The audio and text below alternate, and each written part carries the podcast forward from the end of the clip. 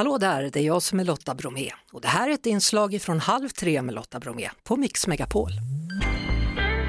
Nu ska vi prata om Turkiet, den turkiska staden Istanbul. Igår så briserade en bomb på en shoppinggata mitt i staden. Eh, Aras Lind är programsamordnare och analytiker på Utrikespolitiska institutet. Välkommen till Halv tre. Tackar. Ja, hur skulle du beskriva det som har hänt?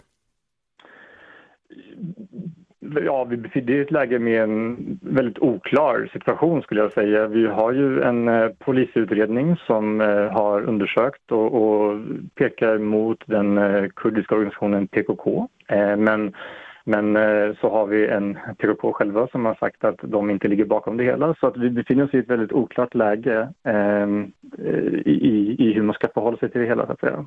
Är det svårt att få korrekt information om den här utvecklingen?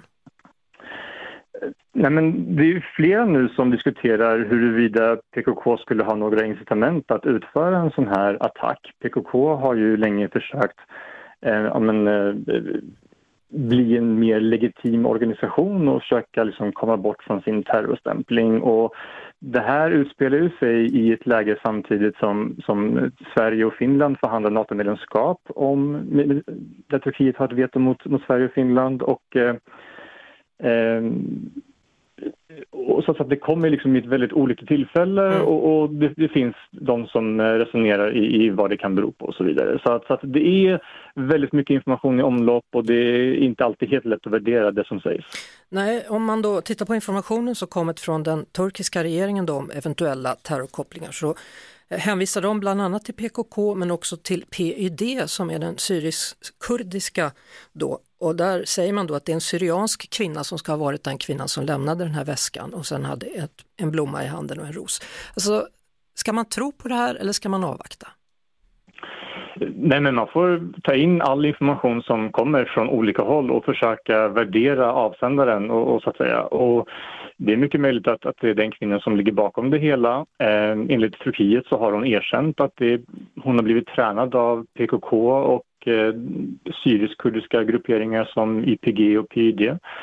Eh, så man får väl utgå ifrån det just nu, men, men kanske förhålla sig till det hela med viss försiktighet mm. för att eh, och avvakta vad de här organisationerna själva säger jag menar, tar vi PKK som exempel så, så, när de, eller om de gör någonting så brukar de ta på sig det och det hör inte till vanligheterna att de riktar in sig mot civila mål, i alla fall inte de senaste åren. Mm. Vi ska säga det då att PKK, företrädare för PKK i Sverige och även PYD har tagit avstånd och sagt att de inte är inblandade i det här. Tror du att det kommer flera dåd nu eller vad kommer hända? Det är ett väldigt oklart läge förstås och det är svårt att förutse vad som kan hända. Turkiet är ju starkt präglat av en ja, men, tidigare våg av en serie attacker som ägde rum 2015-2016 det är liksom, det, som, som hade också stor påverkan på politiken i landet och det finns ju många som är oroliga för att någonting liknande kan ske igen nu när Turkiet närmar sig val igen så att säga. Vi hörs såklart på Mix Megapol varje eftermiddag vid halv tre. Ett poddtips från Podplay.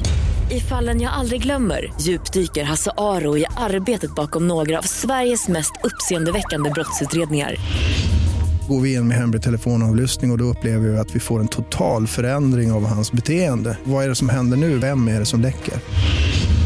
Och så säger han att jag är kriminell, jag har varit kriminell i hela mitt liv men att mörda ett barn, där går min gräns. Nya säsongen av Fallen jag aldrig glömmer på Podplay.